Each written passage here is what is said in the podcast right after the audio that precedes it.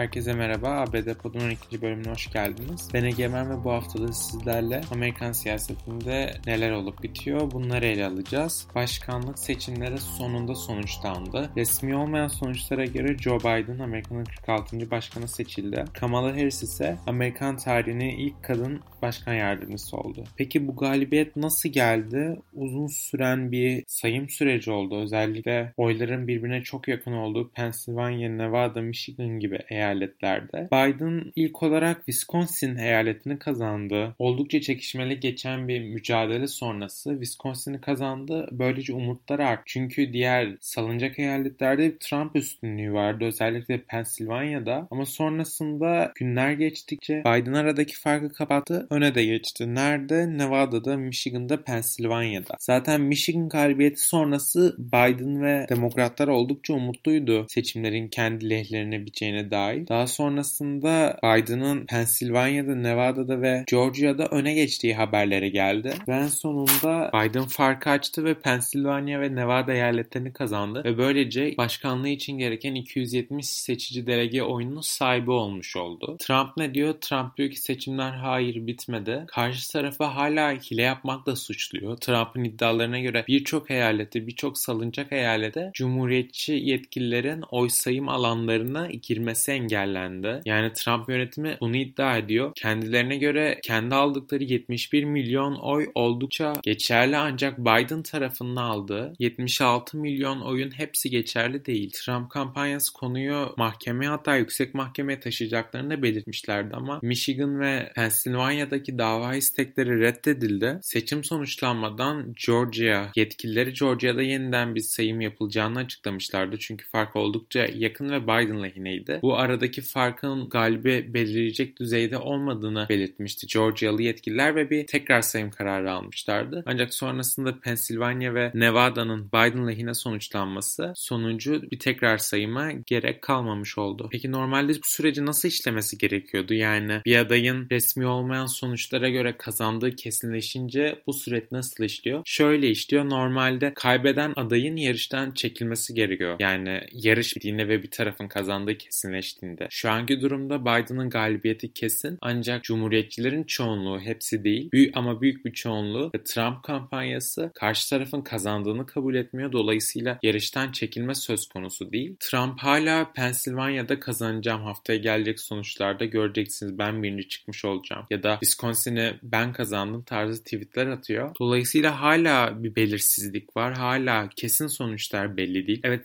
Joe Biden seçimi kazandı. Evet Joe Biden 76 milyondan daha fazla oy alarak bir rekor kırdı. Rekor katılımlı olan bir seçimde daha önce alınmamış kadar oy aldı. 76 milyon gibi bir sayıya ulaşarak. Ancak resmi olarak seçim süreci bitti ve Joe Biden'ın zaferi kesinleşti dememiz doğru olmaz. Peki resmi olmayan sonuçlara göre Biden'ın zaferi nasıl karşılandı? Amerika sokakları adeta şölene festivale döndü. Özellikle New York'ta çok büyük bir yankı buldu Biden'ın galibiyeti. Halk sokağa döküldü. Dans edenler, şarkılar söyleyenler, arabayla turneye çıkanlar gerçekten çok ama çok büyük coşkuyla kandı Biden'ın zaferi. CNN muhabiri seçim sonuçlarını canlı yayından verirken ağladı. Yani o kadar etkilenmiş ki gözyaşlarını tutamadı canlı yayında. Dünya genelinde de çok geniş yankılandı bu seçimin sonuçları. Özellikle Türkiye'de zaten çok yakından takip edilen bir seçimde. Sonuçlar açıklanır açıklanmaz özellikle Avrupa'dan tebrikler yağdı. Biden yönetimi yönetimine karşı Macron ve Merkel hiç beklemeden direkt tebriklerini ilettiler yeni Joe Biden yönetimine. Sonrasında Boris Johnson ve Avrupa Birliği Komisyonu da iyi dileklerini ilettiler kazanan tarafa. Kremlin seçimin hala sonuçlanmadığını ve dolayısıyla tebrik edilecek bir durum olmadığı yönünde bir açıklama yaparak Joe Biden'ı tebrik etmeyeceklerini henüz belirttiler. Çin ve Brezilya'dan da ses yok. Özellikle Brezilya Başkanı Bolsonaro Trump'la çok yakın ilişkiler kuran bir lider. Tayyip Erdoğan ve Türkiye yönetiminden de bir ses yoktu Joe Biden'ın zaferine karşı. Ancak o sessizlik bugün bozuldu. Tayyip Erdoğan bugün yaptığı açıklamada seçimi kazandığı için Joe Biden'ı tebrik ettiğini belirtti. Peki Cumhuriyetçiler ne diyor? Yani Joe Biden'ın kazanmasını resmi olmayan sonuçlara göre nasıl karşıladılar? Cumhuriyetçilerin büyük bir çoğunluğu Trump'la birlikte saf tutuyor bu konuda. Özellikle Senato lideri Mitch McConnell'ın dün Trump'ı destekliyoruz, seçim daha bitmedi açıklaması çok anlamlıydı. Çünkü arkasında Cumhuriyetçiler Cumhuriyetçilerin desteğini almadan Trump'ın bu tür iddialarda bulunması oldukça anlamsız ve etkisiz olurdu ancak Mitch McConnell'ın ve dolayısıyla Cumhuriyetçilerin desteğini alması bu sürecin ileride biraz daha ciddileşebileceğini söylüyor bize. Ancak bütün Cumhuriyetçiler Mitch McConnell gibi düşünmüyor. Eski Başkan Bush, Cumhuriyetçi Maine Senatörü Susan Collins ve Utah Senatörü Mitt Romney, Joe Biden'ı tebrik etti. Cumhuriyetçilerin 2008 Başkan adayı John McCain'in eşi Cindy McCain ise Joe Biden'ın kazanmasından dolayı duyduğu sevinci dile getirdi. Eğer kocam hayatta olsa bu sonuçtan oldukça büyük bir memnuniyet duyardı ifadelerini kullandı. Peki Senato ve Temsiller Meclisi'nde ne oldu? Temsiller Meclisi'nde demokratlar beklenildiği gibi çoğunluklarını korudular her ne kadar oldukça fazla sayıda koltuk kaybetseler de. Dolayısıyla demokratların Temsiller Meclisi'ndeki lideri Nancy Pelosi'ye tepkiler büyük. Hatta Temsiller Meclisi'ndeki geleceği ve liderliği de sorgulanıyor şu anda Pelosi'nin. Kendisi karşısına bir rakip çıkmadan hemen seçim sonrası Temsiller Meclisi sözcülüğü için adaylığını açıklasa da hala demokratlar içten içe olası bir Nancy Pelosi liderliğinde demokratların Temsiller Meclisi'ndeki çoğunluğunun birazcık daha azalabileceğinden şüpheli. ABD'deki seçim tartışmaları önümüzdeki haftada sürecek gibi gözüküyor. Bu haftalık bu kadardı. Beni dinlediğiniz için teşekkürler. Haftaya görüşmek üzere.